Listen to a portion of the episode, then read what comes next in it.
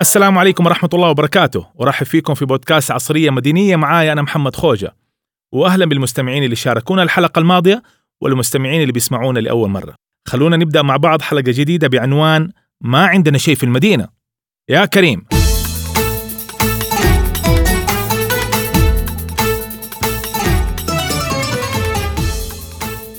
قبل خمسين سنة كان في رجال من أهالي المدينة اسمه أبو جميل. عنده دكان في سوق القماشة يشتغل فيه طوال السنة. وكان كل ما يتعب من الشغل يكلم أهل بيته يجهزوا أغراضهم ومفارشهم وقدورهم وأكلهم ويطلعوا على واحد من بساتين المدينة اللي تمتاز بالخضرة والهواء العليل والماء البارد أو يجلس مع أصحابه في واحدة من القهاوي المنتشرة في المدينة واللي كانت جلسات أنس وفكر وأدب وإنشاد للترويح عن النفس من تعب العمل. وفي 17 رجب 1397 كان الموعد مع واحدة من أكبر الكوارث اللي مرت على المدينة وهو حريق الشونة اللي استمر لمدة 13 يوم كاملة. راح ضحية السوق اللي كان فيه قرابة ال 400 محل وبيوت كثيرة جدا وأسدل الستار على فصل مهم من فصول تاريخ طيبة الاقتصادي والاجتماعي. وطبعا دكان العم أبو جميل اختفى للأبد. طبعا أبو جميل ما استسلم ورجع للتجارة وبرضه رجعت الحياة لوضعها الطبيعي. ولكن صار في اختلاف عن أول. بدأت المقاهي تقفل وبدأت جلسات السمر اللي كان يقعدها أبو جميل تصير أقل وبدأت المزارع اللي كانوا دائما يطلعوا يسمروا فيها تتقفل بسور عشان لا أحد يدخلها. وبدأ الطوب والإسمنت يغزو بعض المزارع اللي بدأت تتحول إلى مخططات سكنية وعماير. وشوية شوية بدأت عيلة أبو جميل تروح للمناطق المفتوحة والأرصفة والمخططات بعيدا عن إزعاج السيارات. استمرت الحياة وقدر العم أبو جميل أنه يرجع لتجارته ولكن خارج المدينة. استقر في جدة عشان دراسة أبنائه في الجامعة وصار يبيع ويشتري الأقمشة وصار يسافر لجدة والشام والهند. وكبرت تجارته بشكل كبير وربنا رزقه من واسع فضله. وقبل سنتين وبعد تعب وشغل السنين قرر أبو جميل أنه يرتاح ويستمتع بقية حياته في طيبة الطيبة محبوبته الأبدية بعيدا عن الشغل.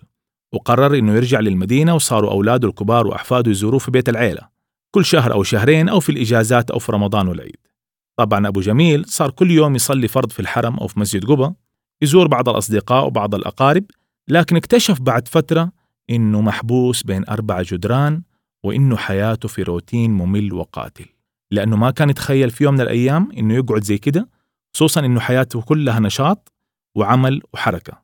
في النهاية وللأسف قرر أبو جميل إنه يغادر المدينة مرة تانية زيه زي كثير من أهل المدينة اللي قرروا يعيشوا برا المدينة ويكتفوا بزيارتها في رمضان والعيد وبعض المناسبات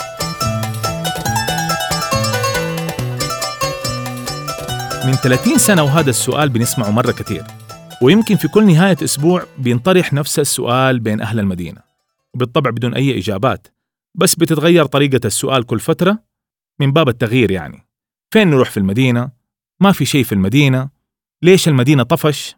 تخيلوا معايا مدينة كبيرة زي المدينة المنورة بعدد سكان مليون ومية وخمسين ألف وعدد زوار وحجاج سنوي يقارب التسعة مليون شخص فهل من المعقول إنه ما في شيء في المدينة؟ طبعا ما راح أتكلم عن الميزة اللي بتخلي الزوار يزوروا المدينة واللي هي المسجد النبوي الشريف وزيارة قبر الرسول عليه الصلاة والسلام ولا راح أتكلم عن الراحة النفسية والطمأنينة المفروغ منها لسكان المدينة فخلينا نتكلم عملي شوية بالفعل أهل المدينة للأسف ما بيلاقوا شيء ينفسوا فيه عن نفسهم وعن عائلاتهم رغم وجود عدد من المحاولات من أمارة المدينة وهيئة التطوير والأمانة والهيئة العامة للترفيه ومن بعض رجال الأعمال بس برضو هذا الشيء مكافي لأهل المدينة. طب إيش في في المدينة؟ خلينا نشوف حاليا الآن إيش ممكن نلاقي في المدينة. المخططات الفاضية ولا الجلسات اللي على الممشى؟ اللي المفروض إنه هذا الممشى يكون رصيف أيوه ليش مستغربين؟ هل تصدقوا أن المخططات والأرصفة تعتبر ترفيه لدى أهل المدينة من زمان إلى الآن؟ لدرجة أنه قبل فترة افتتحوا طريق شارع كبير كده من الشوارع اللي تمشي فيه السيارات وبقدرة قادر صار هذا الشارع مزار سياحي الطريق تحول لزحمة رهيبة الناس صارت تيجي توقف على جنب وتقعد تتفرج وطبعا في لحظة صار في شاي على الحطب وبليلة وسكريم وفود ترك صار مكان سياحي فقط لمجرد أنه شارع جديد في منطقة شوية مرتفعة في المدينة.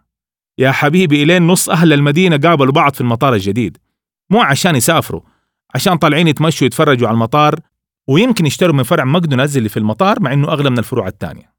يعني صار المطار الجديد والطريق الجديد أماكن ترفيه. للأسف هذا الشيء المضحك المبكي يبين لك قديش ما عندنا شيء في المدينة. هذا كله بسبب عدم وجود أماكن مناسبة للعائلة من حدائق ومتنزهات وأماكن ترفيهية.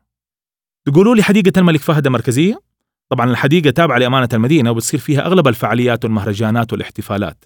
وطبعا اللي بيسمعني يحسب إنها طول السنة. لا طبعا. الحاجات اللي بتصير في الحديقة المركزية هي موسمية فقط. يعني وقت عيد الفطر وقت عيد الأضحى اليوم الوطني وممكن مهرجان الزهور أو إذا في مؤسسات خاصة حبت تعمل بعض الفعاليات أو حتى ممكن جهات حكومية زي هيئة التطوير أو هيئة الترفيه. طبعا الحديقة المركزية تعتبر الأكبر واللي فيها كل الفعاليات وجميع الحدائق الأخرى في المدينة يا انها ناقصه الخدمات أو مهجورة أو ما فيها مقومات الترفيه. وبالطبع الحديقة المركزية غير كافية لأهل المدينة لأنه طبيعي أنها ما تستوعب الجميع رغم أنه بينصرف عليها ميزانيات كبيرة جدا. طيب خلينا نشوف إيش في عندنا كمان. آه عندنا ثلاثة مولات كبيرة ما فيها إلا شوية ملاهي أطفال وتعتبر مرهقة ماليا للأهالي إذا حيودوا أولادهم مرتين أو ثلاثة في الأسبوع. عدا عن إن الألعاب مخصصة للأطفال فقط. غير إنه المول أصلا يعني ممل وحتلاقي في المول حاجات كثير بحرف الميم. يعني حتلاقي محلات ممرات مواقف مصروف ينسحب من جيبك. للأسف هذا حل المولات في المدينة. في بعض المحاولات اليائسة من هيئة السياحة في تحويل بعض الأماكن في المدينة إلى أماكن سياحية وترفيهية زي محطة الحجاز في العنبرية الاستاسيون ولكن للأسف كل الجهود فشلت إنه تحول هذا المكان إلى مكان سياحي وترفيهي دائم. طبعا رجال الأعمال مهتمين بمشاريع ونوعية أخرى من الأعمال ومو مستعدين يدخلوا في هذا المجال حتى الآن. وبس. إيوه بس هذا اللي عندنا في المدينة للأسف الشديد. فعاليات قليلة ومكررة وأنشطة صغيرة غير متاحة للجميع. عشان كده أغلب الناس اللي عندهم ميزانية للترفيه في المدينة إيش بيعملوا حاليا؟ الفئة الأولى بيعتمدوا على الاستراحات تعريف الاستراحة مكان مغلق أكبر من البيت بشوية في مسبح مليان كلور ومطبخ مصدي وثلاجه فاضية. طبعا بيستأجروا الاستراحة هذه ثلاثة أربع عوائل وبيحاولوا يسووا فيها كل شيء خلال 12 ساعة. يعني يا دوب يلحقوا يسبحوا وينطنطوا ويرقصوا ويغنوا ويطلبوا أكل والأكل يجيهم بعد أربع ساعات وآخر شيء البزورة يتضاربوا وينفقش واحد منهم وتتنكد الطلعة كلها ويرجعوا بيوتهم زعلانين. الفئة الثانية بيبعدوا شوية بيطلعوا ينبع والرايس وجدة ويقعدوا نهاية الأسبوع أو يوم ونص أو يومين على البحر في خيمة. أو يستأجروا شاليه برضو الموضوع حيكون مكلف عليهم ماديا ومرهق من ناحية السفر. الفئة الثالثة بيسافروا خارج السعودية ممكن كل ستة شهور كل أربع شهور كل ثمانية شهور. يقول لك بدل ما أحط فلوسي هنا وهناك على حاجات ما لها داعي لا يا حبيبي أنا حجمع فلوسي وأسافر دبي أو مصر أو أوروبا مع أولادي ونرجع مبسوطين وآخر تمام. طبعا مو كل العائلات بتقدر تسوي هذا الشيء لأنه العملية كمان برضو مكلفة للطبقة المتوسطة واللي تحتها. المدينة تحتاج لترفيه قوي ومتطور بشكل مختلف تماما عن الحاصل الآن عبر المدن الترفيهية والثقافية والرياضية وتحتاج لتفعيل الأنشطة والفعاليات الترفيهية سواء من الجهات الحكومية أو الجهات الخاصة. طيب تقولوا إحنا إيش لنا شغل؟ أقول لكم إلا نحن لنا شغل. أهل المدينة هم جزء المهم في هذا الموضوع وسبب رئيسي في المشكلة الحاصلة. أنا أقول لكم ليش. إحنا للأسف بنرضى بأي شيء وبنقبل بأي حاجة من أنشطة أو فعاليات بنروح وبندعم وبندفع وما بننتقد لو كان هذا الشيء سواء عاجبنا أو لا عدا عن إنه المؤسسات اللي عندنا والأشخاص اللي بيسووا فعاليات للأسف ما بيقدموا أي إضافة للمدينة بفعالياتهم المكررة وفكرهم المادي. وهذا الشيء يخليني أتكلم في الحلقتين القادمة من عصرية عن الفعاليات الخطيرة والجهات المنظمة للفعاليات في المدينة وبرضو عن رجال الأعمال اللي بنسمع عنهم وما بنشوفهم. طبعا هذا كله عشان أهل المدينة يكون عندهم ترفيه جيد، يكون في حركة اقتصادية جيدة في المدينة وعشان المئات من الأشخاص زي أبو جميل وعائلته اللي ممكن يعيشوا برا المدينة عشان ضعف الخدمات والترفيه والحياة الاجتماعية في المدينة. بكده نكون وصلنا لنهاية الحلقة الثانية من عصرية مدنية.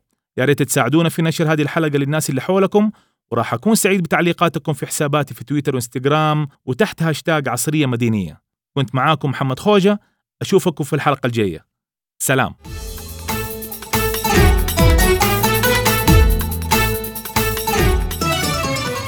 عصرية مدينية. يأتيكم كل أسبوع مع الكابتن محمد خوجة على تطبيق ال SoundCloud وال iTunes و Castbox. هندسة صوتية ياسر أحمد. تم التسجيل في أرجوانية للإنتاج الإعلامي بالمدينة المنورة.